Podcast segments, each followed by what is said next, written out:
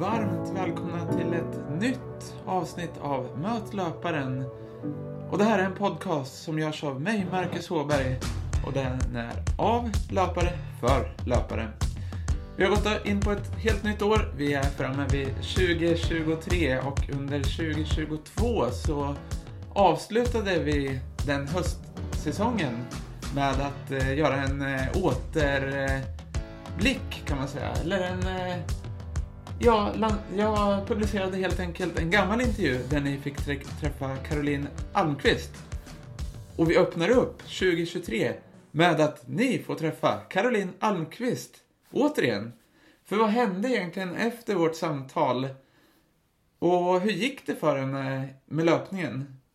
I den här nya intervjun, eller vårt samtal, så har vi pratat just om vad som hände efter vår intervju, hur löpningen har gått för henne och mycket, mycket annat.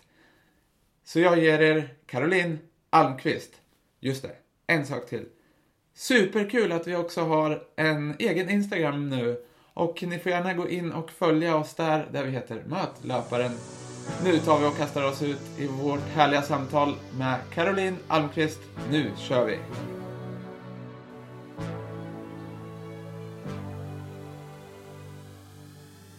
Då tar jag och hälsar Caroline Almqvist varmt välkommen till Möt löparen. Hej, tack så mycket du. Du har ju varit med förut ju. Ja. ja, det var ett tag sedan. Kul att vara tillbaka. Hur är läget med dig då? Jo då, det är bara bra. Ehm, novembermörkret tänkte jag säga, som alla, som alla andra upplever också. Ehm, men eh, nej, men i, i livet i stort så är det verkligen bra, så det är jättehärligt. Ja. Jag brukar alltid köra samma fråga eh, i Mötlöparen eh, som eh, brukar lyda Vem är? Jag tänker att vi kör det även den här gången. Även att du har varit med tidigare så får du presentera dig själv lite mer. Så frågan är alltså, vem är Caroline Almqvist? Ja, eh, vem är Caroline? Ehm, jag går på den lite mer filosofiskt, tror jag, eh, än konkret. Eh, men det är väl konkret det också i och för sig, på vissa sätt, för det är väl, det är väl vem man är som person. Eh, ja, jag är en eh, glad, positiv och väldigt eh, passionerad och en, eh, energisk person ehm, älskar att eh, göra grejer, hitta på saker, umgås med eh, mina, mina närmsta vänner, min, min familj. Tycker väldigt mycket om att resa. Ehm, älskar att utvecklas. Är väldigt nyfiken på, på vad jag gör i jobbet och, och olika sporter och olika resmål. Och, Eh, matlagning tycker jag är jätteroligt. Eh, löpning tycker jag absolut är jättekul också. Eh, så löpare är jag väl med. Eh, och det jag tror generellt att, eh, ja, vad ska man säga? Ehm, Allting, allting jag gör eh, mynnar väl ut egentligen från, från en, en, ett grundläggande intresse i vad jag håller på med och en, en glädje i, i vad jag gör. Liksom. Eh, så ja, det, det är väl jag i kort. Eh, sen, ja, jag är 27 år gammal, det är jag. 27 år gammal, jag funderar själv.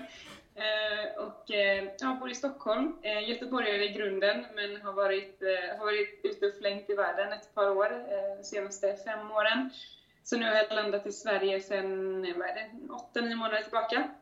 Eh, så börjar jag väl komma in i, i livet här hemma eh, lite mer nu. Jag eh, skulle inte säga att jag är stockholmare än. Det tar nog ganska bra tid, tag innan jag blir det. Eh, blir fortfarande vilse på tunnelbanan lite då och då så fort jag åker. Så jag försöker hålla mig till cykel eller löparskorna, där känner jag mig mer hemma än nere, nere under jorden. Eh, men ja, det är lite, lite om mig kort. Hur, hur, hur känns det att vara tillbaka i Sverige då efter... Du har varit länge utomlands? Ja, eh, ja, jag kan ge en liten, liten kort bakgrund på jag, vad jag var. Men eh, jag, jag, läste, eh, som, eh, efter jag hade pluggat eh, tre år på min kandidatexamen, eh, industriell ekonomi, så tog jag uppehållsår. Eh, och var ute och reste i egentligen ett, ett år till att börja med. Och då var jag en sväng i USA och bodde i South Lake Tahoe eh, i Kalifornien. Uppe på 2000 meters höjd, så uppe bland bergen. Supervackert. Eh, där sprang jag också väldigt mycket, eh, så det blev väldigt mycket traillöpning där uppe. Ehm, och sen flyttade jag till London eh, och bodde där ett halvår. Eh, lite närmare hemma i Sverige, så det var kul eh, och härligt att kunna slippa den här tids, tidsskillnaden. Ehm, nio timmar för att, för att ringa hem till familjen var skönt att inte behöva planera så mycket. Um, och då ja, också på ett, på ett jobb liksom, som var relaterat till plugget egentligen. Sen kom jag hem till Sverige, var hemma i lite drygt ett halvår ehm, och sen eh, fick jag för mig att det räckte med Sverige igen. Ehm, så då, flyttade jag faktiskt eh, till Nederländerna eh, och bodde i Amsterdam, eller precis utanför Amsterdam, i lite drygt tre år också. Ehm, och sen så, ja, så det var under coronatiden egentligen, ett år, eller ja, ett år innan corona och sen två år under corona. Och sen så flyttade jag hem då tillbaka till Sverige, men ny i Stockholm Eh, i, vad blir det, mars i år. Så, eh, ja, så tillbaka i Sverige känns, känns jättebra. Eh, efter, ja, efter att ha bott i, i corona-isolering, tänkte jag säga, i Holland. Eh, vilket jag faktiskt ärligt talat inte skulle önska ens min värsta fiende. Eh, så känns Stockholm verkligen som hemma och, och känns liksom, ja, som, en, som en stad som jag verkligen, verkligen, verkligen trivs i. Um, sen är det mycket att komma in i, i jobb och vardag uh, och så i Sverige. Um, jag, har inte, jag har inte jobbat i Sverige egentligen uh, på det sättet, så det är ju nytt för mig uh, att inte jobba på engelska hela tiden, utan delvis på svenska också. Um, det var lite en omställning i början, men det börjar väl gå bra. Det, jag, menar, jag pratar ändå svenska i, grunden, så så, sätt, så svårt är det inte. men det var ändå en omställning. Eh, och hitta boende och så i Stockholm är också en liten kluring. Eh, så det, men jag är tacksam jag har min, eh, min faster och min, min farbror och mina två kusiner här också. Så de, har, de är som, eh, som min bonusfamilj eh, här i Stockholm. Eh, så det är jättehärligt att ha dem i, nära också. Ja. Men hur var, alltså, hur var tiden då under pandemin eller under corona i, i Nederländerna? Hur var det? Ja, Alltså, eh, det var, det var, verkligen, det var verkligen tufft. Alltså. Eh, mycket tror jag. Alltså, på ett sätt så ska jag säga att man var skonad i Sverige, eh, för att det var inte alls lika mycket regler. Eh, men det fanns ju en anledning till det också. Det är väl liksom att det är inte lika tätt, tätt, tättbebyggt i Sverige som det är i Holland. I Holland är, Holland är ett väldigt litet land, men med väldigt många fler invånare än vad vi har i Sverige. Så där var man tvungen att ha en annan typ av regelverk för att verkligen kunna trycka ner liksom, spridningen av, av viruset. Um, men för mig innebar ju det att jag istället för att få gå till kontoret och jobba från, eh, från, från liksom kontoret då, eh, så var jag hemma varje, liksom varje dag hela tiden. Eh, och vi hade utegångsförbud på kvällarna. Så när man var färdig med sin jobbdag så fick man liksom inte ens gå ut, utan då var man tvungen att vara inomhus för att ja, annars blir man bötfälld. Liksom. Mm. Eh, så det var ju ja, det var väldigt konstigt. Och sen, eh, det var inga, inga liksom butiker var öppna, inga kaféer, du fick inte resa någonstans, du fick knappt åka tåg. Liksom. Eh, och du skulle alltid ha på dig mask var du än gick och så. Så det var ju väldigt, det var ju väldigt, väldigt begränsande eh, ska jag säga. Eh, och jag, jag trivs inte alls med det. Jag älskar att ha människor runt omkring mig och tycker verkligen om att umgås både med mina vänner men även med liksom, kollegor och hitta på roliga grejer och så. Ehm, så för mig var det jättekonstigt. Ehm, så där var det väldigt mycket typ, löpning och träning som bara höll en höll liksom, det mentala i schack, tror jag, i ärlighetens namn. Och, eh, och jag försökte verkligen ha, jag hade någon sån här regel för mig själv, liksom, bara för att ha en vettig rutin på mina dagar. Att komma ut fyra gånger om dagen. Så att jag gick ut på morgonen, in, liksom, typ mentalt gå till jobbet. Eh, sen gick jag ut på lunchen, tog en lunchpromenad. Sen gick jag ut vid typ klockan tre, kaffetid typ. Eh, och sen gick jag ut efter jobbet för att liksom gå hem, eller vad man ska säga, eller springa hem eller vad vad jag nu gjorde. Um, så att man liksom höll en typ dagsrutin på måndag till fredag för att annars, annars blir det liksom, det blir upp och ner och pannkaka typ. Ja. Uh, och sen, vad ska man säga, kvällarna, jag, då var jag tacksam att jag pluggade samtidigt också. Så jag, jag jobbade 100% eh, på, på Nike, på det huvudkontoret i, i eller ja, Europa-huvudkontoret med merchandising, så då satt jag som en, ska man säga, som bryggan mellan produktutveckling globalt och försäljning i Europa. Eh, sjukt kul roll. Eh, jobbade med fokus på, på löparskor och träningsskor på damsidan.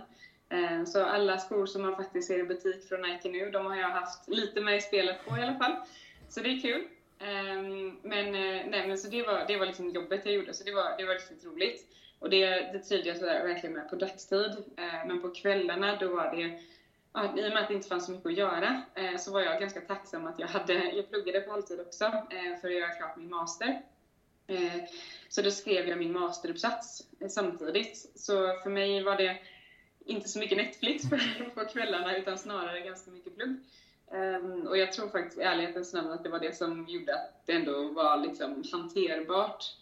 Ehm, men jag skulle aldrig någonsin önska någon att ha samma situation igen. Ehm, och med facit i hand så är det nog lite av liksom de två åren som gjorde att jag sen valde att flytta tillbaka till Sverige. För det blev också väldigt påtagligt att liksom, familj kunde inte komma och hälsa på som man ville. Jag kunde inte åka hem. Man kunde inte umgås med liksom, kompisar runt omkring och så heller, utan det var väldigt begränsande. Och då, blev jag, då kände jag mig i alla fall väldigt utlämnad och funderade väl egentligen på liksom, är det här så här jag, ska, jag vill spendera mitt liv? Ehm, jag, då var jag väl, var jag då, 25-26 år gammal. Kände så här, hur många år man visste inte hur, hur lång tid det skulle hålla på liksom. Och, och jag kände väl såhär, men är det så här jag vill leva? Liksom, när ska jag bara vänta på att, att liv, livet går och jag själv sitter bara här i en lägenhet liksom, och väntar på att, att det ska bli bättre? Och då kände jag bara så nej, vad är det som är viktigt för mig och vad är det jag vill göra? Eh, och, och då kände jag liksom, nej, för mig är det verkligen viktigt att ha mina, mina vänner och min familj närmre. Eh, de betyder väldigt mycket för mig. Ehm, så då kände jag att det är någonting som jag, som jag värderar väldigt mycket, så då började jag kika på möjligheter att, att flytta hem till Sverige igen. Men hur mycket tror du att det också förändrade, eller förändrade det dig lite som person, eller fick du en tankeställare där? Hur, lite ja, som du var inne på. Alltså, det tror jag verkligen. Eh, eh, alltså, både i, for, i, form av att det är, det är väldigt, väldigt skönt att kunna vara flexibel i var man jobbar. Eh, att kunna sitta hemma någon dag om man vill det, eller vara på kontoret. Ehm, och liksom ha, ja, men någonstans tror jag också att det gav mig ett annat typ lugn i att man behöver inte heller vara med på allting hela tiden. Eh, och att man kan också, man kan också ta det ganska lugnt hemma och det kan vara ganska skönt att göra det. Eh, för att innan hade jag väl alltid väldigt, väldigt många bollar i luften igång samtidigt och försökte maxa min tid liksom. Eh, och det gör jag ju fortfarande till viss del, absolut. Eh, men, men jag tror att det gav mig också typ en annan inställning till att så här, ja, men det, det gör liksom ingenting om man har en vardag där man är hemma några kvällar i veckan, utan det, det behöver inte hända grejer hela, hela tiden. Um, och det tror jag har gett mig ett annat lugn i livet nu också, att liksom, var sak har, har sin tid. Um, så det är väl definitivt en grej som jag har tagit med mig. Liksom. Uh, men sen också typ att, vad ska man säga, att ja, men någonstans att spara på sin energi eller lägga sin energi där man tycker att det är värt det. Så typ om jag är på kontoret fem dagar i veckan nu, uh, då känner jag verkligen att jag är jättetrött när fredagen kommer.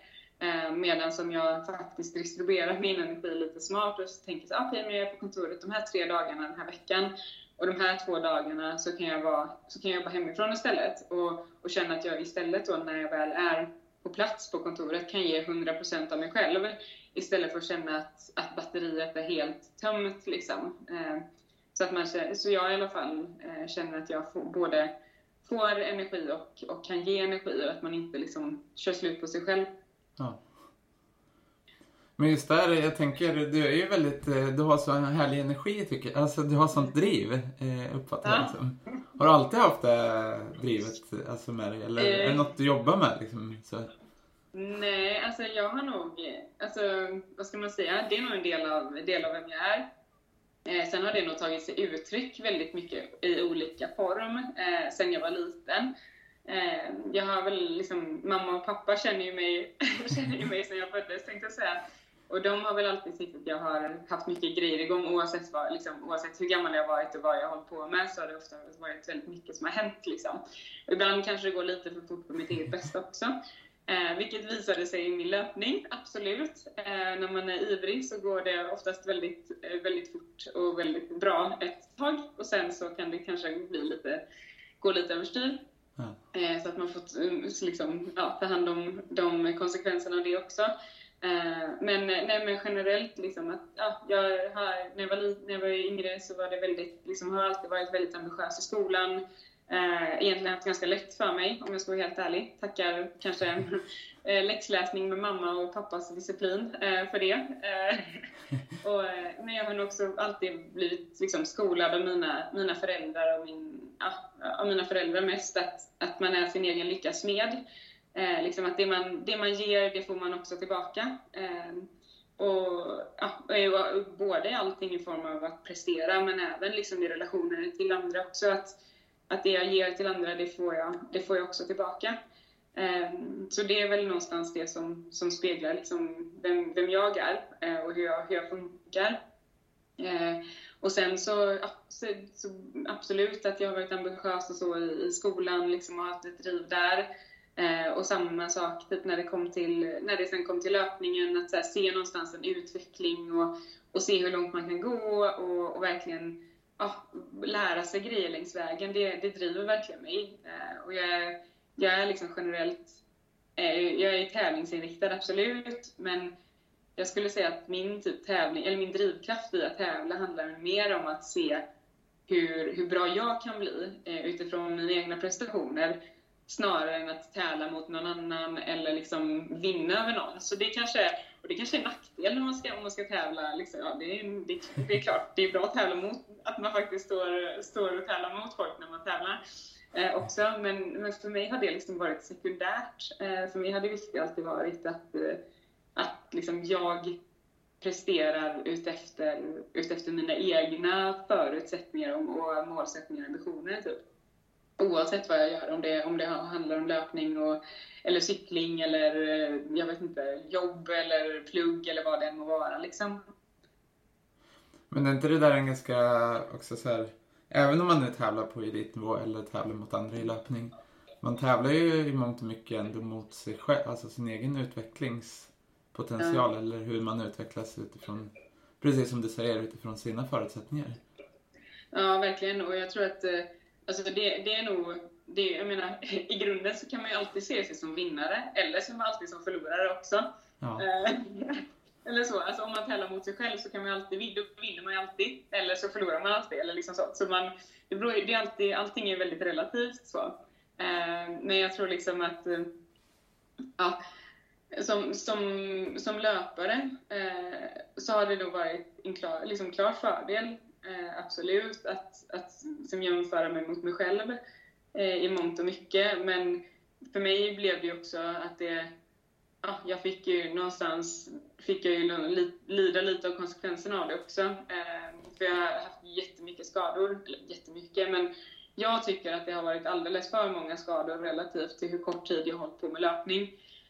Um, vilket också gjorde då att jag inte ville hålla på med liksom elitlöpning på den nivån längre för att kroppen, kroppen ville inte det. Eh, och då oavsett hur kul man tycker att tävla så är det inget roligt att tävla mot en kropp. Med, eller mot, mot en kropp. Man ska ju ha man är ju ett med sin kropp någonstans. Så det är ju skönt om man, om man är på samma sida. Liksom. Men jag tänkte just det att vi ska komma till det. Då när vi pratade sist var 2018. Eh, mm. Då hade du ju tagit SM-silver på maraton, eh, vilket vi pratade ganska mycket om då. Men skulle du själv säga att det var liksom där som var din peak i, i löpar... Alltså, eller hur, hur, hur ser du på den tiden mm. nu? Ja, eh, bra, jättebra fråga. Eh, alltså jag, jag ser tillbaka på det och tänker, vad herregud, hur, hur, wow liksom. Hur, att det kunde gå att det kunde gå så bra så snabbt, eh, tänker jag liksom tillbaka och, och ser. Och samma sak med, för det var ju någonstans första loppet av, av de två som jag verkligen gjorde som var riktigt, riktigt bra. Eh, och andra var ju liksom i New York när jag sprang den maran där, också 2018 på hösten, så runt, ja, nu, i november. Eh, och sprang den på 2.36. Och det var ju också liksom världens prestation, både för min egen del, för jag hade ju aldrig någonsin kunnat tänka mig att jag skulle springa på de tiderna. Eh, men absolut även i form av att det faktiskt var verkligen en bra Sverigetid liksom på, på elitnivå också. Um, och det var, ju, det var ju helt fantastiskt. Uh, men med det sagt så kanske det var... Ja, när man tittar tillbaka sen med facit i hand och ser tillbaka på den perioden, både då men sen även några månader efter, och hur mycket, liksom, hur mycket träning, hur mycket mängd det var som låg i det kontra vad jag faktiskt hade för bakgrund och hur lite jag hade sprungit innan. Liksom.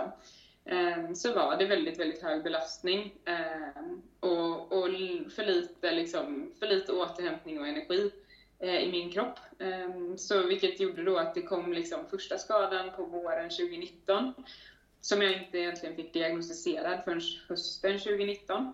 Eh, och då hade jag en stressfraktur, eller eh, ja, två stressfrakturer egentligen i mitt bäcken. Eh, så det, och det är ingenting som man får bara, liksom, ja, bara sådär, utan det är någonting som kommer för att, ja, väldigt hög belastning under längre tid. Eh, så jag sprang egentligen, jag alternativtränade ett halvår med, med den här stressfrakturen.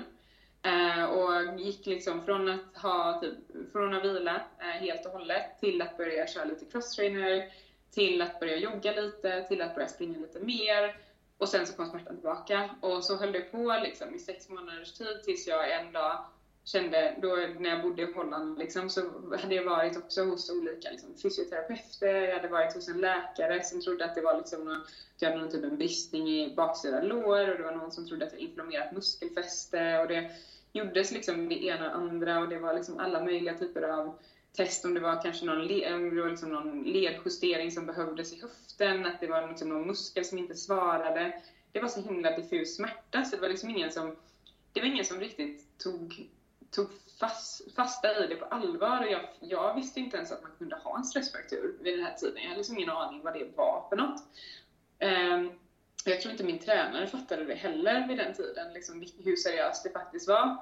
Um, så jag bestämde mig typ i, vad var det, oktober då, 2019. Um, ehm, så, så var jag på ett gym, kommer jag ihåg. Uh, och då skulle jag bara typ testa att jogga, så här, för jag skulle värma upp och sen skulle jag bara köra typ ett, ett styrkepass. Liksom, för jag skulle, ändå, jag skulle ändå inte springa, för jag, det gick liksom inte. Så då tänkte jag, men jag kan jogga fem minuter, testar jag liksom hur det känns. Eh, och när jag bara typ börjar jogga så bara känner jag hur det gör så himla himla ont så jag bara gråter och jag bara, jag orkar inte mer. Så jag bara, jag skiter i det här, jag går hem. Så jag, jag gick hem och sen beställde jag en resa hem till Sverige.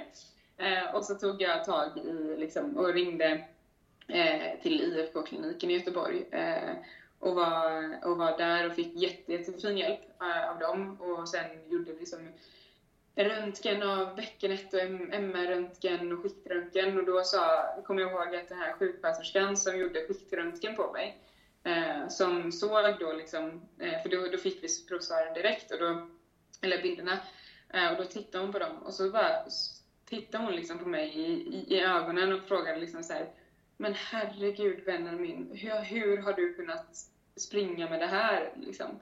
För då såg hon att det hade liksom bildats ben runt frakturen. Eh, men, men uppenbarligen, i och med att jag inte hade vilat tillräckligt någon gång egentligen, eh, så hade det hela tiden gått sönder. Vilket hade gjort då att smärtan blev ju för mig någonstans kronisk, så jag trodde ju att det typ skulle vara så. Att jag fattade inte ens att man, att man kunde springa utan smärta där någonstans liksom, i alltihop. Utan jag tänkte, ja, det är väl bara så för mig. Ehm, så när hon sa så, då fattade jag liksom, då, då var det som att det bara någonting liksom, äntligen var det någon som fattade att det faktiskt var på riktigt. Att inte bara, jag förstod också att det inte bara är i mitt huvud, utan det är faktiskt no någonting riktigt fel. Eh, så då var det ju åtta veckors liksom ingenting egentligen. Eh, så åtta veckors totalvila från, eh, från löpning och så vidare. Så det var liksom inget, eh, ingen crosstrainer eller löp, cykel eller någonting. Eh, och det var ju typ de åtta värsta veckorna i mitt liv. Eh, jag förstod ing, jag fattade ingenting. Och, liksom, och då typ åka tillbaka till Holland, eh, bo ensam, inte få typ springa någonting, vilket egentligen jag gör två gånger om dagen. Liksom. Eh, och jag hade ju liksom planer på att jag skulle springa, alltså min, min tanke var att jag skulle satsa mot OS i Tokyo. Eh, men, men, men det blev ju ingenting med det. Eh, kan man väl säga. Eh, men eh, i alla fall så, så återhämtade jag väl mig ändå något sånär bra från den skadan efter ett tag då. Det var ju jättetufft men jag hade, ja, jag, jag, jag liksom kämpade mig igenom det någonstans. Ehm, och sen gick det, sen blev det liksom bättre. Ehm, så det var väl egentligen läkt kanske sommaren. Ja, jag tror att jag sprang liksom på som normalt om man säger. Eh, sommaren 2020 var jag väl ändå lite mer liksom, ja, då var jag ändå tillbaka på någon vettig liksom, grund eh, i mängd och så. Eh, och det, då började det väl gå liksom okej okay, eh, och då började man kika på så ah, men nu kanske det är dags att få börja tävla lite igen. Eh, och så. Eh, men, men då var det fortfarande så här, då, just det, då kom ju corona, då var det ju corona så då fanns det liksom inte så mycket lopp att springa heller. Så då tänkte vi så här, jag och min tränare då tänkte liksom, ja ah, men då håller vi det på en liksom, vi, vi jobbar upp progressivt eh, träningen och, och ser till att vi har liksom en, en vettig en vettig bas och även så att vi kan testa och, och köra någon tävling så småningom. När det öppnar upp, för det tänkte man att det skulle göra. Eh, men det gjorde det ju aldrig riktigt heller. Eh, och sen på våren eh, 20, får jag tänka, våren 2021, ja precis. Eh, då, fick jag en, då fick jag en stressfraktur till. då fick jag en stressfraktur i foten. Eh, eller på ankeln kan man säga, på det benet som sitter på utsidan foten. Eh, där fick jag en stressfraktur. Eh, och det fattade jag inte alls hur det, hur det gick till. Eh, men, eh, men så var det i alla fall. Och där fick jag jättesnabbt hjälp i, i Holland. Också för att jag pushade helt galet med de läkarna och sa liksom att jag vet faktiskt vad det här är för något. Eh, och jag var jättebestämd, jättebestämd. Och det, då, det var ju väldigt tacksamt för då fick jag också kontakt med en sportläkare eh, och som, som också förstod liksom då löpare och vad stressfrakturer var för någonting eh, från start. Eh, och då var det egentligen avlasta helt och hållet som gällde eh, i typ fyra veckor. Och sen fick jag börja cykla eh, och, och sen fick jag börja springa därefter. Eh, men i ärlighetens namn så var jag väl inte aspepp på att springa, springa så mycket. Ehm, för att eh, ja, det, liksom första stressfrakturen som jag hade i höften eller i bäckenet, den var ju Ja, det var ett, mentalt var det verkligen ett, ett trauma eh, också och jag tyckte det var, det var verkligen jättetufft. Um, så jag, jag cyklade väl mer landsväg då än vad jag, än vad jag eh, sprang efter den andra stressfrakturen. Eh, och sen, men sen började jag ändå springa lite mer och så började det, och det gick liksom bättre och bättre och läkaren sen när jag kom tillbaka till Holland då efter sommaren, för jag hade spenderat egentligen hela sommaren i Sverige 2021 eh, och jobbat på distans. Ehm, så när jag kom tillbaka till Holland så sa läkaren att det, det har läkt jättefint och det ser jättebra ut så det är, liksom, det är fritt fram och, och springa på ehm, och det, dina värden ser fina ut och så också så det, det är grönt. Ehm, så det, då blev jag jätteglad så då började jag springa lite mer och sprang väl lite mer och lite mer och lite mer hela tiden. Och eh, sen sprang jag väl så mycket så att jag eh, tänkte att åh, nu är det dags att springa lopp. så då bokade jag en halvmara i eh, Malaga som jag skulle springa. Um, och det var samtidigt som Johanna Bäcklund och Sanna Mustonen också skulle dit och springa. Så, um, så då tänkte jag, gud vad kul, då kan jag springa i alla fall en halvmara tillsammans med dem. Eller ja, tillsammans med, men i alla fall stå på startlinjen samtidigt. Uh, sen var kanske tempot inte planerat att gå riktigt för fort. Men uh, men i alla fall få göra det ihop. Eh, men eh, några veckor, vad var det, två veckor typ där innan Ehm, så får jag jätteont i, i ländryggen. Eh, och jag, jag börjar direkt liksom ana oråd. Eh, så jag går till min fysio då, som jag hade, alltså, som jag liksom har haft jättenära och bra kontakt med i, i Holland. Eh, och han känner också till min liksom skadeproblematik och historik. Så han sa liksom direkt att antingen så är det bara en låsning i ländryggen eller i sätesmusklerna, liksom att, det, att du har tajta muskler och att det, att det är låst. Så då kan vi testa att göra, liksom, vi kan testa både eh, så dry needling eh, i sätet för att liksom släppa de spänningarna. Eh, men sen också liksom göra, eh, ja, lägga tryck egentligen på höften eh, för att kolla om det är sidleden som liksom ligger, ligger fel på något sätt. Eh, och så. så gjorde vi de grejerna och det, det blev liksom, ja, vad ska man säga, eh, som det blev en fal falsk förhoppning om att det blev bättre, eh, för det kändes ju lättare liksom, eh, den, den dagen och kanske dagen efter. Eh, men sen så skulle jag jogga på det och kände att det här, det här funkar inte, alltså, det här känns inte bra. Och det strå smärtan strålade liksom ut på, på utsidan höften, ner mot liksom svanskotan och sen ut i baksida lår och det var liksom ah, det var liksom igen den här känslan av bara diffus smärta som jag liksom bara, det här, det här stämmer inte.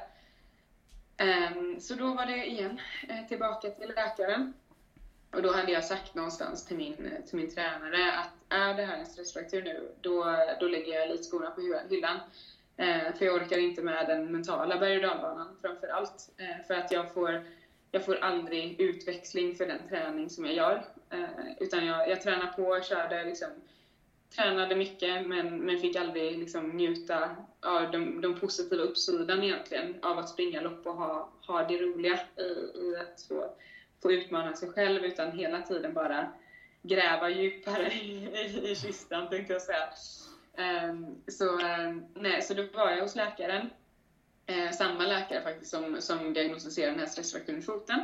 Så kom jag tillbaka dit och han undrade väl varför jag var där och tyckte inte att jag skulle vara där. och, och, och, så, så, men så sa jag i alla fall att jag skulle göra röntgen. Så då gjorde vi det eh, och så fick jag då svaren eh, därefter. Och då sa han liksom att jag, jag är jätteledsen men det, det är nog liksom, det här är nog det värsta beskedet du kan få. Men det är en stressfraktur eh, längst ner på din ryggrad eh, i en av de kotorna. Eh, så då med det så, så var det väl som att någonting bara brast i mig liksom, helt och hållet. Eh, och jag kände bara, ja, nu, nu orkar inte jag mer alls. Liksom. Nu vill jag, jag vill, bara, jag vill bara leva ett liv utan, utan att ha ont och, och ha roligt och verkligen vara glad. Um, så då, då ringde jag min tränare uh, och sa att nu säger jag upp, nu säger jag, inte säger upp matten, men nu säger jag upp uh, trän, tränar och adeptrelationen i alla fall. Eh, och samma sak till min klubb som jag hade då. För jag kände att det var inte, det var inte rättvist varken för dem eller för mig att, eh, att liksom ha ett elitkontrakt, elitlöparkontrakt, men jag kunde, inte, jag kunde aldrig prestera för i, liksom i klubblinnet. Och, eh, och de kunde liksom aldrig, och jag var inte, liksom, ja, jag var inte löpbar. Liksom. Så jag, jag tyckte inte att jag fick inte ut någonting av det och de fick inte ut någonting positivt av det heller. Så då kände jag, då är det bättre att bara och ta bort den, den externa eh, liksom faktorn i det hela också och bara fokusera på att bli hel, hel, hel och fungerande igen så att ja. säga. Um, så det var egentligen för den här tiden, runt den här tiden förra året. Um, så, ja, så då var det igen åtta veckor, ingen löpning. Uh, jag har börjat lära mig ganska enkelt hur det funkar att återhämta sig från stressfrakturen. Skämt åsido, det ska man inte behöva göra. Men uh, så det gjorde jag väl ändå. Uh, men därefter så blev det, så tänkte jag så här, nej men nu, nu tar jag liksom nu, nu gör jag bara det jag tycker är roligt för att jag tycker att det är roligt liksom, och inte för att jag ska prestera. Eh, så jag joggade lite sen därefter, eh, cyklade, eh, inte så mycket på vintern men på, på våren och sommaren. Ehm, och liksom har väl kört mycket styrketräning och så. Eh, och i samband med flytten till Sverige så blev det väl också så att jag kände att nu är det så mycket annat som händer i mitt liv förutom löpningen. Eh, så att nu är det nog bara bra om, om den får liksom sitta i baksätet lite eh, när det händer massa andra grejer. Um, också för att ta bort den stressen. Uh, ju mer stress man har på sig desto, desto svårare blir det ju faktiskt för kroppen att få återhämta, för både kroppen och knoppen uh, att få återhämta sig. Mm. Um, så, så där försökte jag väl vara lite klok i det. Och så. Och sen, ja, så nu börjar jag väl faktiskt, peppar peppar, ta i trä, kunna säga att det här är min längsta skadefria period eh, sen, sen 2018 då. Ja. Eh, och då, då, är det utan, utan klubb, utan tränare och, och träning egentligen baserat på, på liksom dagsform och känsla helt och hållet. Eh, kan man säga.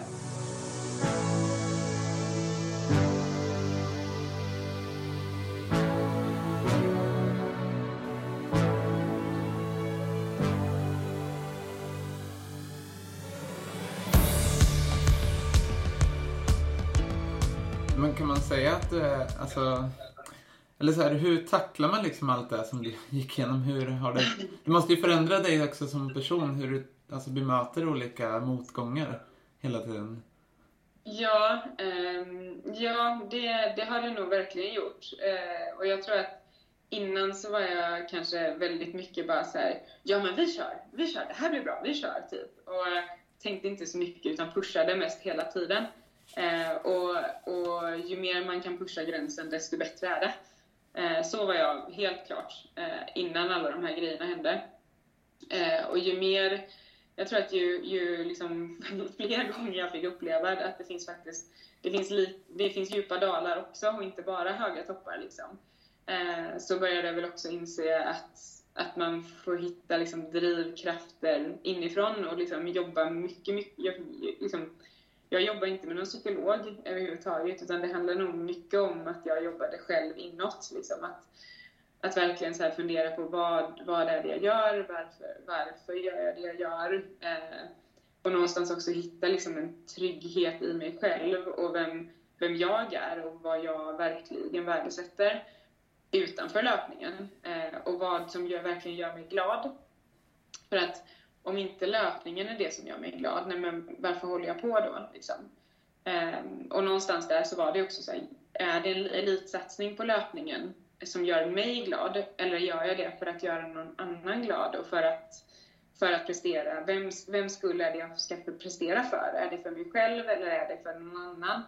Um, och då kände jag liksom, där någonstans när jag fick min tredje stressfraktur så kände jag liksom att nej men den här glädjen som jag hade i löpningen innan jag började ha alltså faktiskt ett strukturerat program om man säger innan, eh, innan jag började liksom ha en, en faktiskt tränare och en klubb så, så sprang jag ju bara, liksom baser, bara bara, men då sprang jag ju liksom baserat på eget huvud och eget upplägg eh, och helt och hållet på liksom på vad jag kände att kroppen pallade med och vad som kändes rimligt.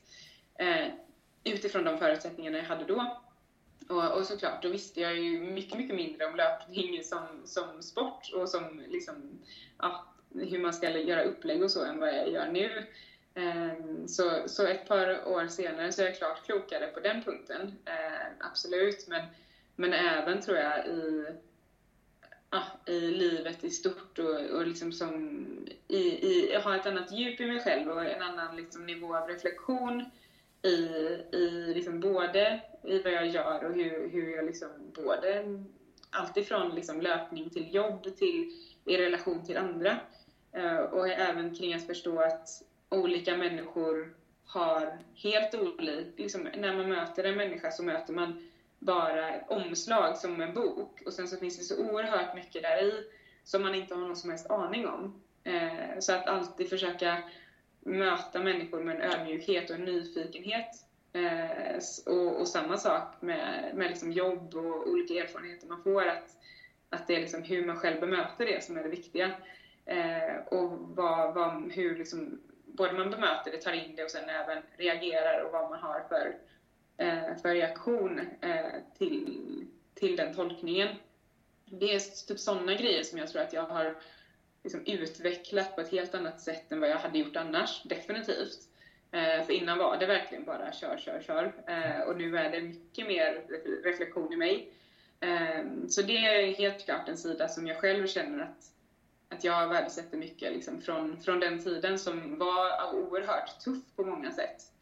Eh, och sen hade jag väldigt, väldigt tur, jag har, eller tur och tur, men jag har, har väldigt fina vänner och familj runt omkring mig eh, som, som jag verkligen har kunnat liksom stötta, ta, ta stöttning från och som verkligen har funnits där för mig på många sätt. Eh, så det, det, de ger mig jättemycket energi också. Men jag tänker just det där, alltså, det blir ju lite så när du sa det här just att ja, men om det är en stressfraktur så säger jag upp, alltså då slutar jag med elitsatsning. Mm. Det blir ju lite som att du reagerar utifrån det som inträffar.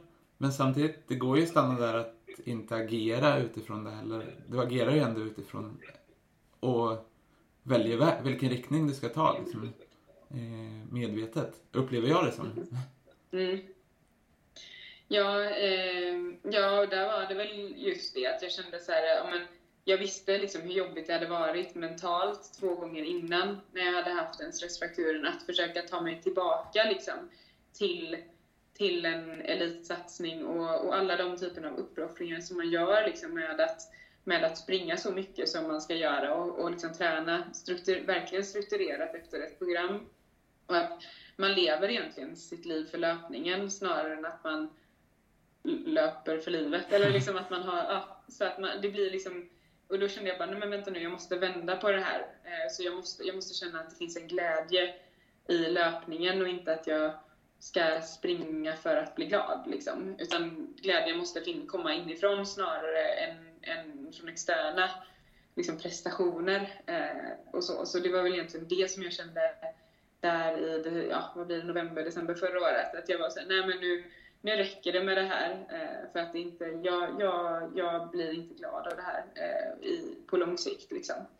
Eh, så då, då kände jag att nej, nu, nu vill jag fokusera på mig eh, istället.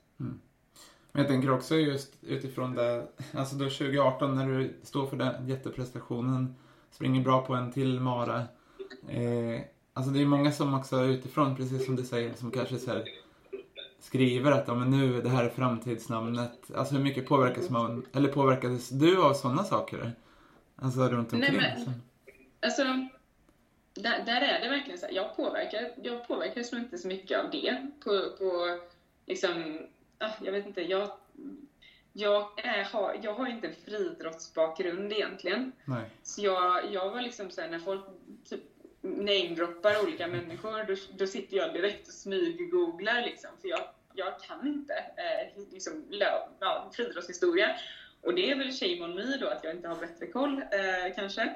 Men, eh, men jag, jag har liksom inte den bakgrunden, så för mig har det inte heller varit så mycket jag är inte driven av liksom prestige överhuvudtaget. Jag är väldigt prestigelös i, i vad jag, i liksom prestation kontra ja, vad jag har gjort tidigare kontra vad jag gör nu och så. Eh, där, där ser jag liksom inte, ah, jag ser inte att det blir liksom en, en framgång eller besvikelse. Eh, liksom så, utan för mig för mig var det väl jättefina, jättefina lovord för framtiden då, absolut. Visst var det det. Men jag känner inte heller att jag gjorde någon, någon besviken eh, när jag inte längre kunde prestera på det sättet utan, och när jag blev skadad. Utan, för jag har liksom alltid bara jämfört mig egentligen mot mig själv. Eh, eller så. Så för mig har det liksom inte handlat om att, att bara, oh nej, nu, nu, nu är jag inte bäst längre utifrån, och det är så här, utifrån vilket perspektiv liksom. För, det, för mig handlar det liksom inte om att vara bättre än andra, utan för mig har det alltid handlat om att bli det bästa av mig själv som jag kan bli. Liksom. Ja. Hur, hur klyschigt det än må låta så, så har jag nog alltid haft mig själv som jämförelseobjekt. Eh, eller så. Men vad skulle du själv säga utifrån den tiden? Vad, vad skulle du själv, eller själv säga är de största lärdomarna som du tar med dig från där du är idag? Då? Eh, ja, eh, nej men det tror jag nog är väldigt mycket med att så här, eh, ja, när det kommer till löpning eller liksom löpning och träning och, och liksom vardagsbalansen tänkte jag säga, så kan man ju först och främst konstatera att en elit, elitsatsning på löpning är inte balanserad med livet i övrigt. och det får man liksom, man får acceptera det och så får man, och så får man, om man väljer att leva så, så ska man absolut leva så. Eh, men man ska liksom inte tänka att det är att det är en balans i livet, att det är ett balanserat liv, för det är det inte. Um, och sen om liksom nu, om man säger för min egen del, så känner jag väl att så här, ja, typ bara för mig att kunna känna att det finns en av, en, ett avslappnat synsätt på, på löpningen kontra, kontra min, liksom i min vardag och se liksom aktivitet och rörelse generellt som en liksom integrerad del av livet snarare än pass som ska bli av för, för programmets skull.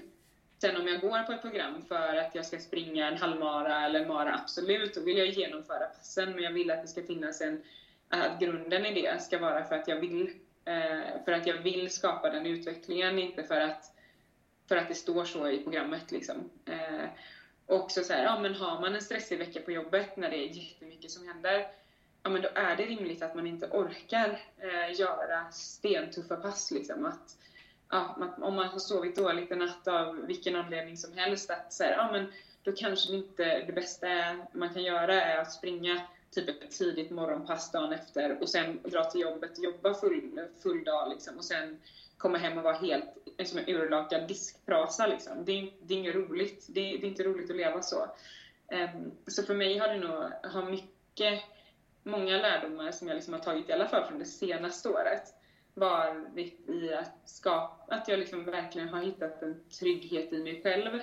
Eh, att, att lita på att en, liksom en vardag där jag lyssnar mer inåt eh, snarare än att bara fungera som en maskin och göra, göra saker bara för att det står på ett program. Utan någonstans att känna så här, okej, okay, vad orkar jag med idag och hur mycket energi har jag idag? Liksom. Eh, det har varit jätteviktigt för mig eh, att hitta tillbaka till någonstans. För att ja, efter att ha haft liksom, ett strukturerat träningsprogram i tre år, varav, varav två, två av de åren var mest i alternativt format än, än löpning, så blir man ju liksom, då blev jag verkligen, jag blev ju programmerad eh, att bara genomföra också. Um, vilket, vilket absolut behövs om man ska satsa, så behöver man liksom också hålla sig till passen man ska göra. Men, uh, men nu är det liksom, det är bara jag som sätter, sätter ramverket för vad jag ska, vad jag ska syssla med. Uh, så då, då känner jag att då är det väldigt skönt också att, att alltid känna att det finns en, gläd, en grund, grundlig glädje i det jag gör. Liksom. Ja. Men jag tänker just på det som du säger, att man Alltså det är väldigt lätt att fastna i det där som du säger. Att jag vet ju själv hur jag... Alltså, mm, där man, Det står det här i programmet, då ska jag göra det. Och man väger inte in de här faktorerna runt omkring. Utan man bara, ja, men man bara gör det. Men där mm. någonstans så... Jag tänker att det där måste väl också ta tid att... För, eller hur har det varit för din del att så här, vänja sig ur det? Att faktiskt mm. acceptera att nu är det så här, då får jag acceptera den och hitta balansen i det istället. Mm. Ja, det, det, är ju, det är ju konstigt liksom. Mm. För, alltså, på ett sätt är det ju liksom att göra, och, men och det här, här är jag så tudelad för att jag, jag menar, jag älskar att springa. Det gör jag verkligen. Och jag, jag, jag, jag tycker, för, mig, för mig är det liksom en del av min identitet. Det, mm. det, jag är en löpare. Jag älskar att vara ute och, och jag älskar att snöra på mig skorna på morgonen, dra ut ett tidigt morgonpass och känna att det är krispig luft, det är tyst ute och man kan bara här, cirkulera runt hela Stockholm och det är inte, det är inte många själar mer än här, några hundpromenerande individer och, och någon annan löpare. Liksom. Och det, jag älskar den magiska känslan som är att, att liksom starta dagen så och verkligen gå in och ha en god känsla resten av dagen det, det, är liksom, det är verkligen något av det bästa jag vet. Eh, och, och, det är det oavsett om jag gör ett liksom, stenhårt pass eller om det är ett morgonjobb. Absolut. Ja. Eh, men det som jag känner så här, som man kanske vill bort ifrån är det här liksom, typ vad ska man säga, tvångsmässiga. Okej, okay, men jag, jag har kört typ två pass om dagen och det har varit så här många mil i veckan och, och sånt. Och, det, och veta liksom att jag är inte på den nivån nu. Och jag har egentligen ingen målsättning att komma tillbaka till så här 100, ett tag som det var 160-170 km i veckan. Ja. Det är liksom ingen nivå som jag vill tillbaka till. För att uppenbarligen så klarar inte min kropp det. Då i alla fall. Och jag, jag är inte beredd liksom, tidsmässigt att lägga ner, eller liksom med mental energi, vad det, vad det kräver, är inte jag beredd att lägga, eh, lägga, den, eh, lägga den energin på det nu. Och, och i den prioriteringsordningen. Liksom. Eh, så det handlar nog egentligen bara om att jag verkligen gå, behöver gå tillbaka till mig själv och vara sann mot mig själv och mina egna liksom, interna prioriteringar. Eh, I att, okej, okay, men vänta nu, om jag ska göra ett löppass idag, ja, men vad ska jag göra då? Inte så här, ja, jag ska springa två pass bara för sakens skull. För, att, för, för vilken nytta liksom? Eh, så att jag hela tiden känner, liksom, funderar en runda till typ. Eh, och sen ska man kanske inte gå och fundera hur många runder som helst heller. Ibland ska man bara gå ut och springa för att det är gött. Liksom. Ja. Eh, också. Ja, men där kan man ju gå mycket mer på, eh, alltså mer på känsla utifrån hur, ja. hur känslan är för dagen. Än att det Verkligen. står det här passet ska genomföras. Mm. Ja, gud ja. Men eh, nu sprang du ju också här i Köpenhamn. Eh, ja. Hur var, var det? Ja, det var jätteroligt. Det, ja, gud, det var, det var superkul. Eh, jag var skitnervös. för, för jag hade ingen aning hur det skulle gå.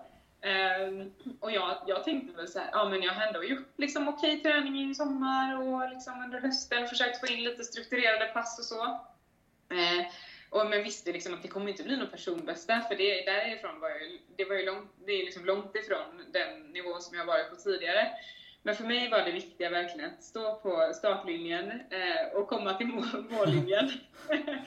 och känna att jag hela tiden har haft ett, äh, liksom att upplevelsen verkligen har varit positiv och rolig och att det har gett mig energi. Um, sen gick jag ju ut för hårt för mitt eget bästa. Uh, så det var så riktigt, uh, ja vad ska man säga, en dålig variant av ett rookie mistake när man borde veta bättre. Uh, men jag hängde på typ Endro running team som sprang i typ 3.45 tempo. Hängde på i 14-15 kilometer. Gick ju skitbra liksom, tills, tills det inte gick bra längre. Så, så till, typ 14-15 så höll jag till 3.45 tempo. Det det var liksom, och då tänkte jag så här, jädrar vad bra det går. Oj. Ja, jag, ja, men så jag tänkte så här, jag har inte ens sprungit några tempopass som är längre än typ 8 kilometer. Bara jädrar vad bra det går. Uh, och det var, det var jätteroligt. Eh, liksom, tills, det, tills jag kände att nu, nu, är, nu går, dalar det här, nu går det inte längre. Eh, så då var det väl en liten vägg där eh, vid sådär 15-16 som jag bara, okej, okay, men nu får vi liksom någonstans så här, bara göra en liksom, mental reset. Eh, tog en, en extra gel, en Mårten-gel eh, med lite koffein i och eh, tog mig till mål. Eh, och kom väl in på typ 1.22 eller vad det nu var. Liksom. Men tiden var verkligen inte väsentlig i det här fallet, utan det var verkligen så här, jag drog dit med en av mina absolut bästa polare eh, och sprang, och både hon och jag liksom, eh, var verkligen bara där för att ha, ha riktigt kul. Ja. Och vi hade en jättefin helg tillsammans och vi båda två springa, springa loppet liksom. Eh, med god, god känsla båda två. Eh, så det var någonstans verkligen så här, det viktiga för mig eh, och gav helt klart mer smak och få springa mer också i fortsättningen. Eh, så nu börjar jag väl sketcha lite på vad jag kan tänka för något lopp till våren. Vet väl inte riktigt om, jag, om kroppen är redo för en mara än. Med tanke på, eller jag skulle väl säkert kunna köra en liksom, men jag vill jag vill nog kanske, ah, då är det väl den här prestationsmänniskan i mig som ändå vill känna så ah, men det, då vill jag under den här, den här tiden.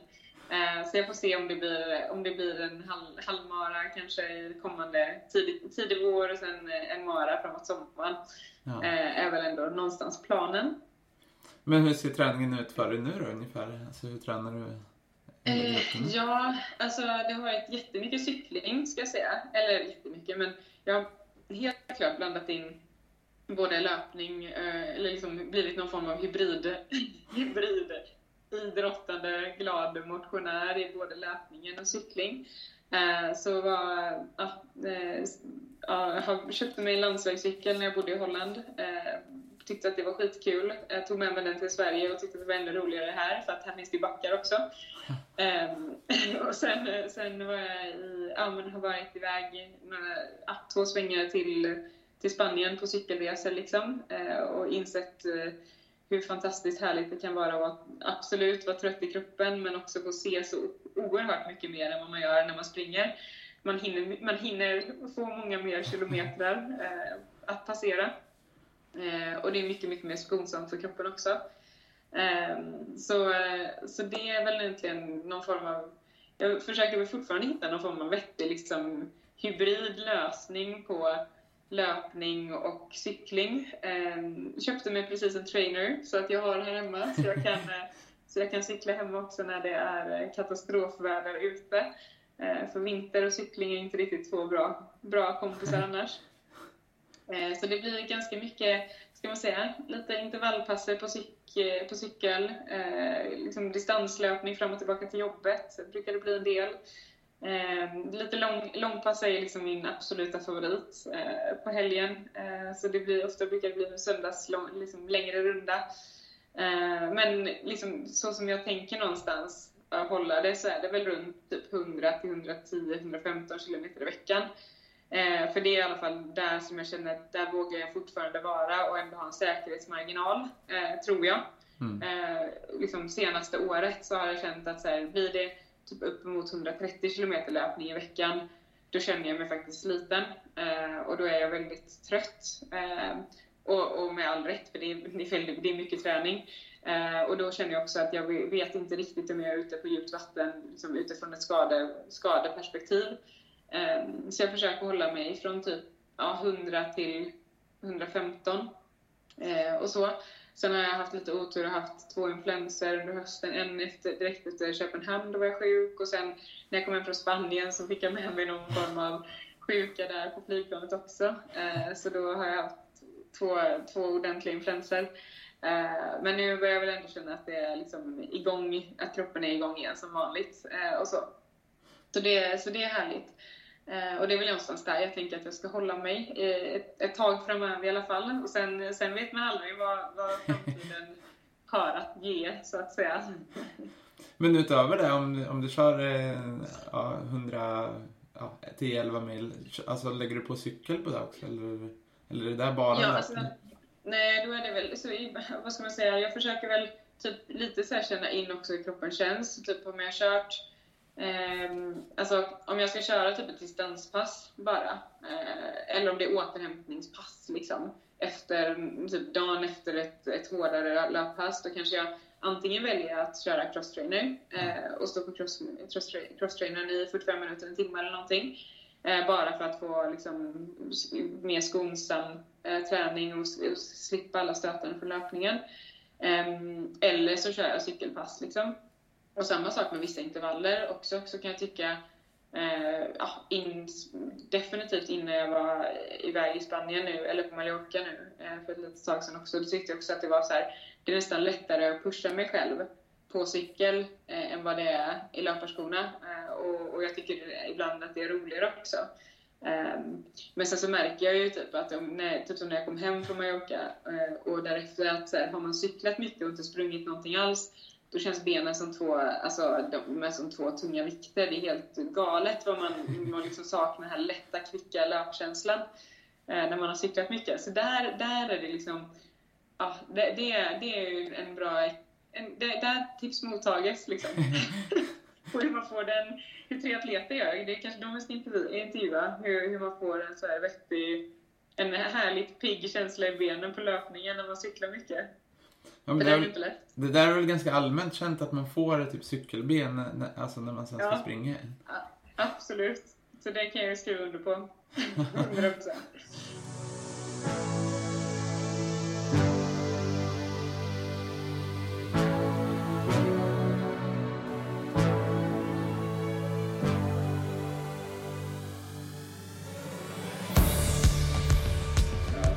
Men eh, du som också har jobbat, eller jobbat åt Nike och du pratade om löparskor tidigare. Jag tänker, du har väl... Jag kan tänka mig att du har mycket löparskor hemma, eller? Ja, jo det har jag. Absolut. Vilken, eh, vilka modeller eller vilka tycker du är bäst att springa i? Ja, alltså jag ska säga, jag har inte testat så mycket av konkurrenternas skor. Nej, nej, nej, nej, nej. Jag är ganska liksom biased av, av Nike då, i och med att jag har jobbat där. Men däremot så har jag testat igenom deras sortiment väldigt bra däremot. Ja. Uh, så jag skulle, alltså mina, mina verkligen så här favoritskor uh, skulle jag säga är Zoomfly 4. Uh, de, de, är, de har varit riktigt, riktigt bra. både för liksom ja, lite goare tempopass för att man känner att man ändå har en, en kick eh, i, i, i, benen. Men samtidigt kan man absolut ha dem på distanspass också. Eh, eller liksom, om man ska köra ett snabbare intervallpass så funkar de med. Eh, sen, sen är typ Tempo Next har också varit en så här skön, skön sko, eh, tycker jag.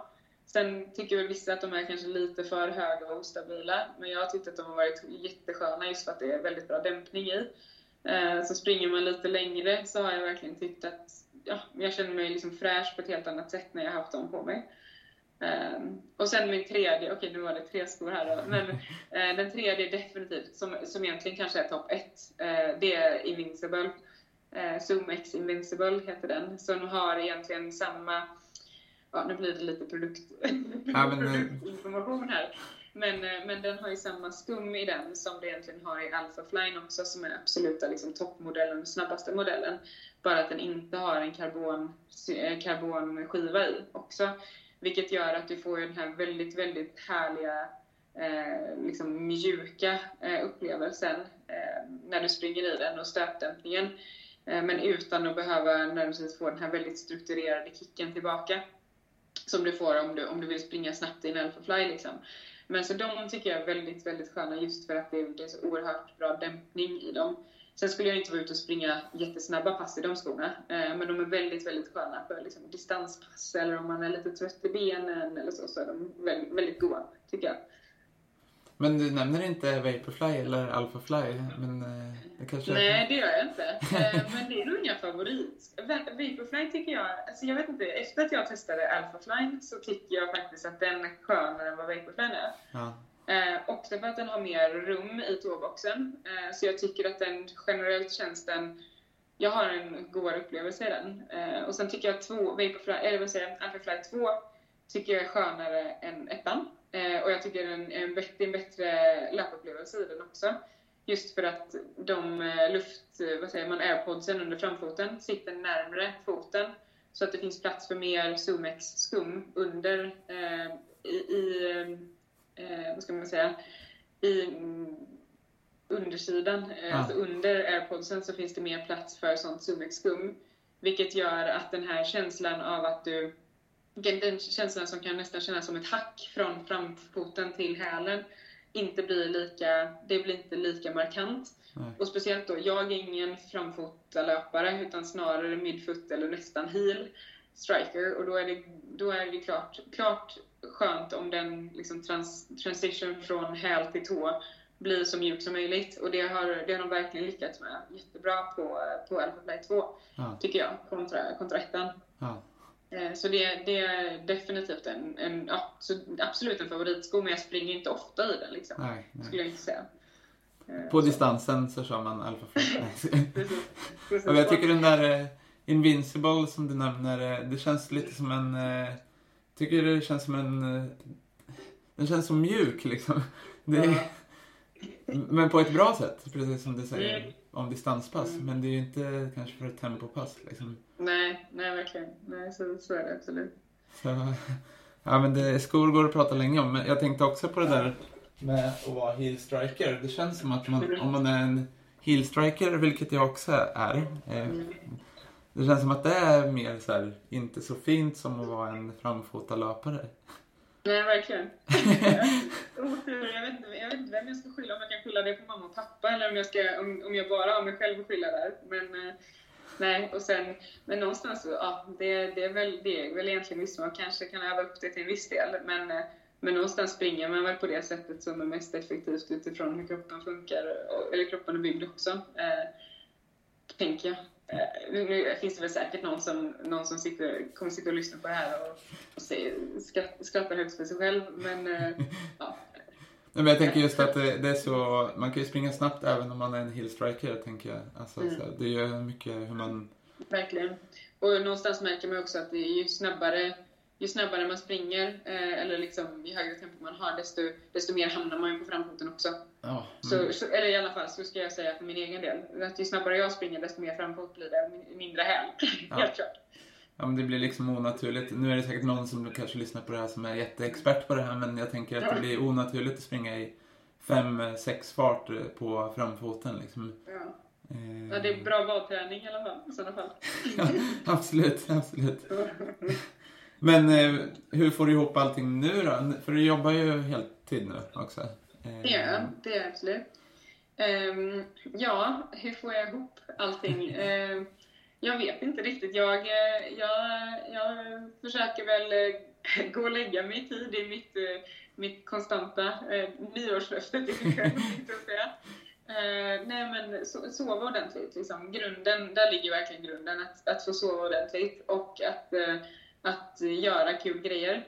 Och sen försöker jag ha liksom någon form av balans i att göra kul grejer. Det är också bra att ha, ha lite tråkigt ibland, tänkte jag säga. Eller inte ha grejer planerade, med andra ord. Så typ, har jag, har jag en helg när jag vet att jag kommer bort, eh, bortrest och göra massa grejer, då försöker jag liksom lägga helgen därefter bara som lugn och inte egentligen ha sådär jättemycket strukturerade planer. Mm. Och sen hittar jag alltid på något kul ändå. Men, men det, då är det bra att ha liksom, helgen därefter som en liten andnings, andningspaus innan det drar igång igen. Eh, I och med att jag har liksom familj och pojkvän på västkusten eh, i Göteborg. Ehm, och, eh, ehm, och sen också reser ganska mycket runt, runt i kompisar i Europa också. så, så blir det liksom en del resande. Mm. Så då försöker jag, försöker i alla fall ha lite, också landa he, he, nu, he, numera hemma i Stockholm ja. lite oftare. Men det, jag tycker det där är intressant som du säger. Det känns som att ungefär du och jag är ungefär samma person där. Att så här, någonstans så kan tråkigt också vara bra eh, ibland. Mm, verkligen. Gud ja. Men där kanske man... En, ja. Eh, jag tänker att vi ska också gå in på de här, vi har fått lite lyssna frågor som jag tänker okay. att vi ska ta upp. Jag ska bara få fram här på min... Eh, nu ska vi se här. Eh, men jag tänker att vi börjar här, eh, på första frågan då. Eh, vad är skillnaden på livet idag eh, versus för några år sedan när du tävlade mycket i löpning? Vi har varit inne lite på det också, mm. men, men vad skulle du svara på den frågan? Eh, ja, men det, det, har, det är egentligen det vi har, verkligen har pratat om. Alltså innan var det väldigt, när jag tävlade, eh, liksom fokus löpning eh, på ett annat sätt och tävlade Då, var, det, då styrdes ju livet efter, efter löpningen. Eh, och om man säger så här, skillnaden till idag är väl egentligen att idag styrs löpningen efter livet eh, istället. Så det är verkligen det, är väldigt, det är väldigt enkla och korta svaret på den, den frågan. Ja, vi tar nästa här. Eh, mm. Dina bästa råd till tjejer som vill träna, prestera och tänker mycket på att vilja vara smal? Oj. Eh, jag, jag ser inte riktigt att de går ihop, tror jag, på det sättet. Eller som att man ska sträva efter vad sa du, att, prestera, att tävla, prestera, prestera och, och tänka på... Jag ser, ja. inte riktigt, jag, ser, jag ser inte riktigt ett, ett prestations och ett utseendemål eh, som, som hand i hand. Liksom. Utan väl, eh, att vilja prestera, absolut. Ja, och vilja tävla, kör, kör hårt. Liksom. Men eh, och då tror jag att är det det, om det är det som är det viktiga, att man ska prestera, då, är det, då kanske det är det, eller då tycker jag verkligen att det är det man ska fokusera på. Eh, och inte, inte liksom utseende på det sättet, för det, det, gör ingen, det gör ingen glad. Men det är väl lite som du var inne på tidigare, att man måste ha kroppen med sig också. Alltså om man fokuserar på att vara smal och prestera, um, då har man inte kroppen, alltså då kan man ju inte prestera. Eh. Nej, nej verkligen. Eh, så... Och liksom, ja. Ja, så här, lite, det kan jag tycka bara så här, smal utifrån vilket perspektiv då? Eller vad är, vad är relativt vadå liksom? Jäm, vad är det man jämför sig med? Liksom? Det, finns ingen, det finns verkligen ingen anledning, eh, tycker jag. Nej. Eh, här kommer en till fråga. Eh, hur har du jobbat med dig själv för att komma dit du är idag? Du inspirerar, skriver en person. Eh, men det är ju lite det vi har pratat om också, kanske. Ja, ja verkligen. Eh, och jag tror, ah, vad ska man säga, jag, liksom, många, många händelser och många, många lärdomar, eller många liksom, händelser som ger, har gett mig möjlighet att dra lärdomar.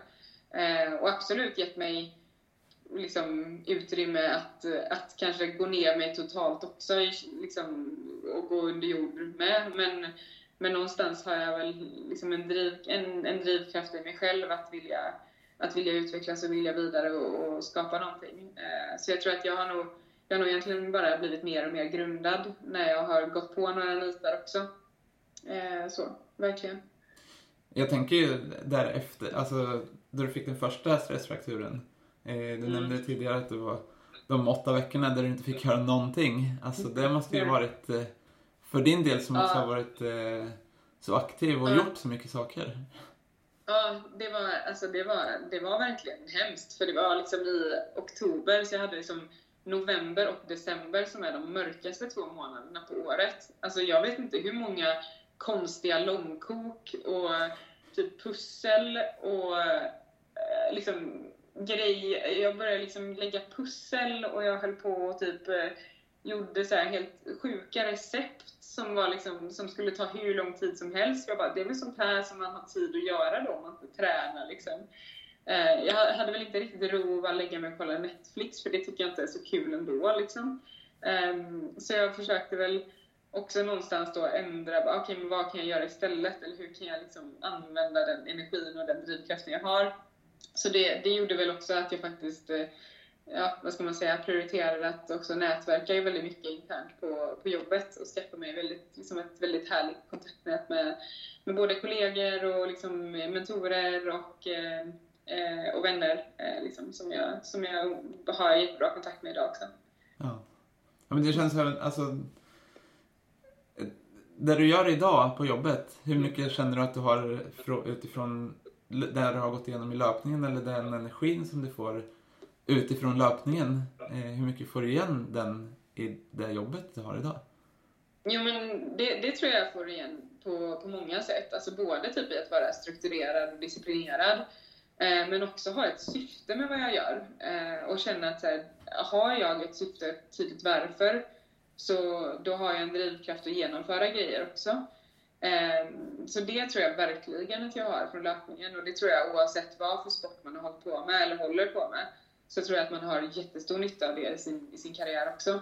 Ehm, för det, det ska jag absolut säga att jag, jag är absolut driven av att, att eh, liksom göra karriär utifrån perspektivet att jag vill utvecklas och vill lära mig saker och, eh, och vill liksom bygga, eh, bygga en, en, om det må vara en produktstrategi eller om det är liksom en, som det var på Nike då, att, att liksom bygga produkter från, från egentligen från start till, till lansering och, och liksom och ut på marknad eh, till vad jag håller på med nu så är det liksom på ett sätt annorlunda men ändå, men ändå liksom bygger det på att, att ta ett projekt från, från start till slut och, och att eh, bygga, eh, bygga relationer eh, med såväl, såväl interna kollegor som, som kunder eh, och få, liksom, få med sig människor på en sida och det gör man om man kan, om man kan både ha en vision och en strategi och förmedla den på ett på ett bra sätt. Och det tror jag verkligen att man har liksom en...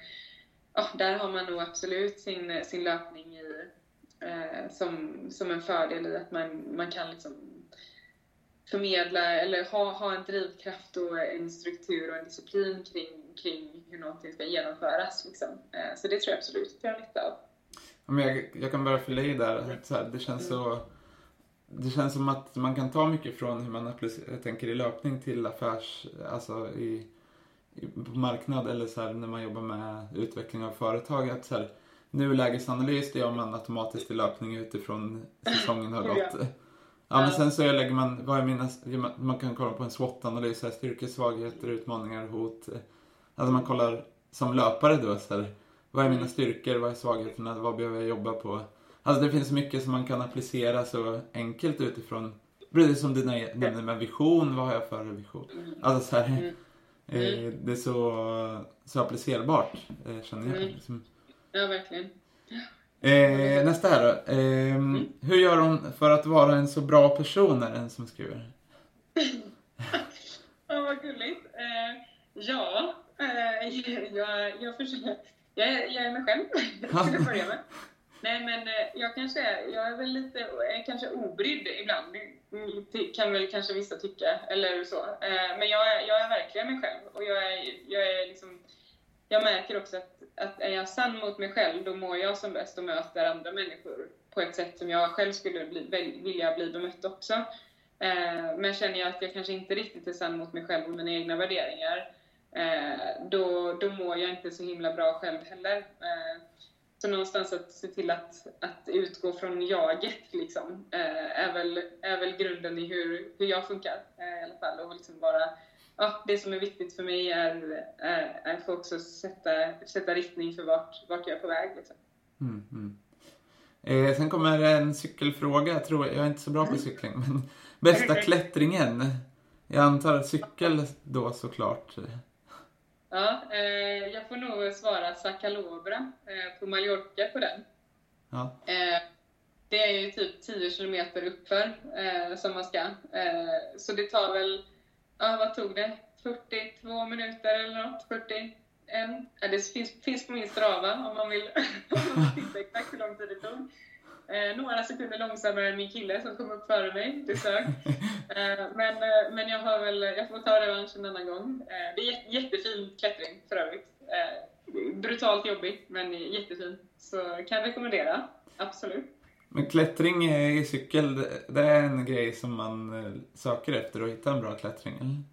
Ja, alltså vissa tycker att det är gött att cykla på platten, men jag tror att jag har nog mer fördel av att det går upp för också, för att jag, jag är nog mer, mer en konditions, eh, konditionscyklist än vad jag är liksom, cykelstark. Jag har inte hållit på och cyklat så, sådär jättelänge, så jag har ju inte liksom cykelben på samma sätt som en eh, riktigt duktig cyklist har. Eh, så platt, platt cykling för mig, då är, då är jag glad om jag kan ligga på rulle bakom någon Ja. som är jättestark. Och sen så, så är jag absolut starkare själv i, i uppförsbackar, liksom, när man får jobba mer konditionsmässigt. Ja, just det. Just det. Eh, nästa fråga här då. Nästa mål med träningen? Ja, ehm, alltså nu har mitt mål senaste året varit att bara hålla mig och få en kontinuitet och hålla, eller rättare sagt så här, hålla mig skadefri. Och mitt mål nu är väl någonstans att ha och skapa en kontinuitet i det. Eh, så att fortsätta egentligen så som jag gjort. Eh, så, det, så det handlar väl egentligen om att liksom hålla mig skadefri, eh, tycka att, att eh, ja, det jag gör är roligt eller liksom ha, ha en glädje i träningen hela tiden. Och sen hitta liksom små prestations... eh, Vad ska man säga? Prestationsmål längs vägen som får vara lite som en Ja, som en så här, eh, cherry on the cake tänkte jag säga. Nej, men så att man får liksom några här riktiga munsbitar eh, längs med vägen som, som ger mig ännu mer energi. Ja.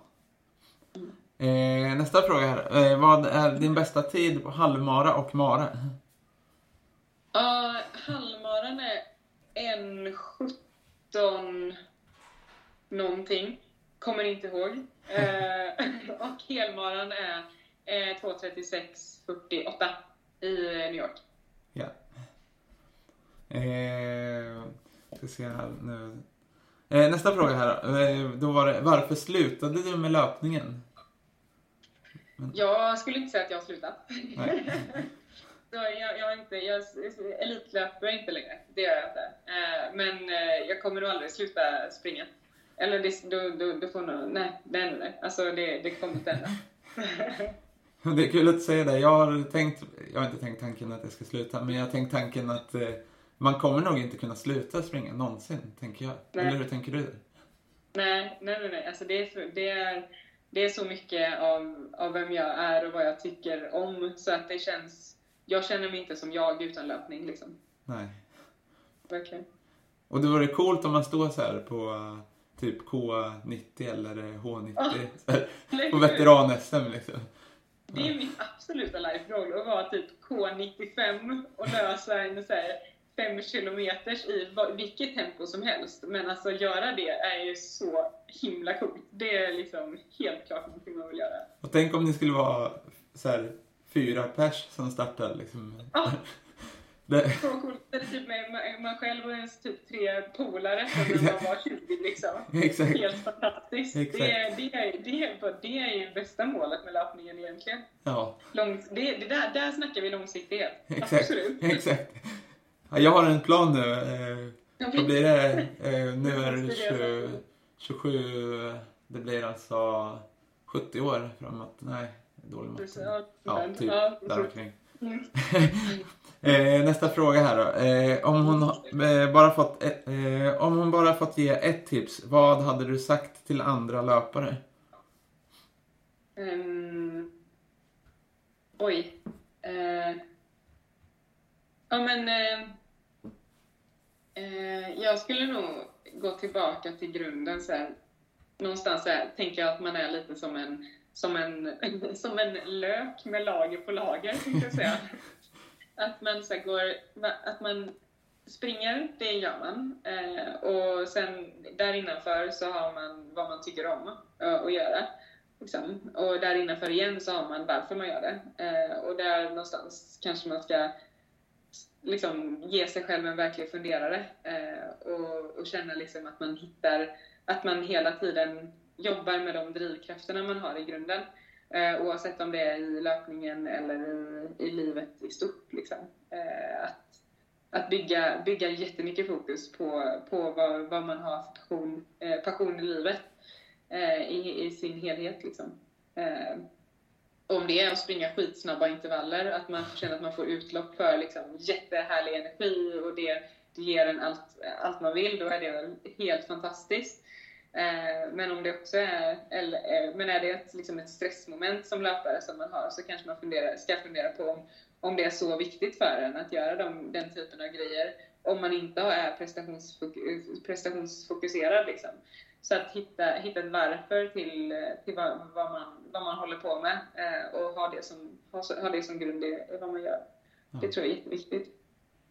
Men jag tror, eh, jag, jag pratade med mm, en tidigare, en, jag gjorde en tidigare intervju. Eh, mm. Just kring det här, lite som du också är inne på, att så här, även om ingen visste om att du gjorde den här, alltså om du gjorde den här mm. prestationen eller gjorde det här. Om ingen i hela världen visste om det, skulle mm. du då ändå göra det? Liksom, där... Ja, precis. Det där, det, sådana där är liksom jättebra, jättebra frågeställningar att faktiskt ställa sig själv. Ja. Definitivt. Men du då, eh, eh, alltså, läser du mycket så? Alltså, det känns som att du läser och utvecklar dig själv alltså, kring tankesätt och sådana, alltså, Ja, eh, ja, ja alltså jag är väl lite av en typ bokmal. Eh, så jag, har väl, jag läser mycket typ så här, böcker kring personlig utveckling, lite olika liksom, ja vad ska man säga, eh, både i form av från, liksom, från filosofer och olika, liksom, olika författare så, men även lite mer ja, vad ska man säga, ett businessperspektiv också. Där det handlar mer om strategiskt tänkande, organisation och ledarskap. Eh, och både ledarskap i en organisation men även självledarskap. Ja. Eh, så det tycker jag, det är någonstans sånt som, och det är ju genuint sånt som jag faktiskt är kanske lite nördigt intresserad av också. Eh, så, så där, men där skulle jag absolut rekommendera att läsa böcker. Mer ja, ur ett filosofiskt perspektiv så skulle jag rekommendera Eckhart Tolle. Eh, en jättebra eh, författare. Så, så där, eh, där har jag nog fått mycket av liksom mitt mindset ifrån också, eh, tror jag. Eh, från lite mer, ja, från böcker jag har läst och den typen av, den typen av intryck. Liksom. Ja, just det. Just det. Mm. Mm. Känner du att det är någonting vi har missat nu? i vårt samtal. Här. Det har varit superkul att ha med dig. Prata om dig, Marcus. Jag missade att prata om dig. vi får vända på i en annan podd. Eh, ja, precis. Det får vi göra. Absolut. Jag pratar inte så mycket i den här podden. Det är skönt eh, med de som pratar mycket som du gör. Du behöver inte ställa så mycket frågor. Men känner du att det är någon fråga jag har missat? Eh, nej, det tror jag inte. Det var ju jätte, jätte, jättekul att, att prata, prata med dig också. Eh, och, och bara ja, förmedla lite mer om, eh, om hur livet eh, i stort ser ut nu och löpning. Och prata, prata löpning är alltid kul. Liksom. Ja. Eh, prata livet är nästan ännu roligare. så, ja, så det var Ja, men vad bra. Då, då får jag tacka återigen för att du tog dig tid och ville vara med. Mm. Tack så jättemycket. Och sen, sen ska du stort lycka till i framtiden. Liksom. Ja, tack. Jag tackar. Detsamma. Tack så mycket för att du har lyssnat på detta avsnitt av Mötlöparen där du fick träffa Caroline Almqvist. Och jag önskar Caroline stort lycka till i framtiden med allt hon tar sig för. Är det så att du gillar den här podcasten då tycker jag att du ska gå in och visa det genom att gilla oss på Facebook. Du kan även gå in och eh, följa oss på Instagram där vi heter Mötlöparen. Och mitt namn är Marcus Åberg och jag tackar återigen för att du har lyssnat. Vi är snart tillbaka med ett nytt spännande avsnitt. Håll ögon och öron öppna. Ta hand om dig så länge. Hej då!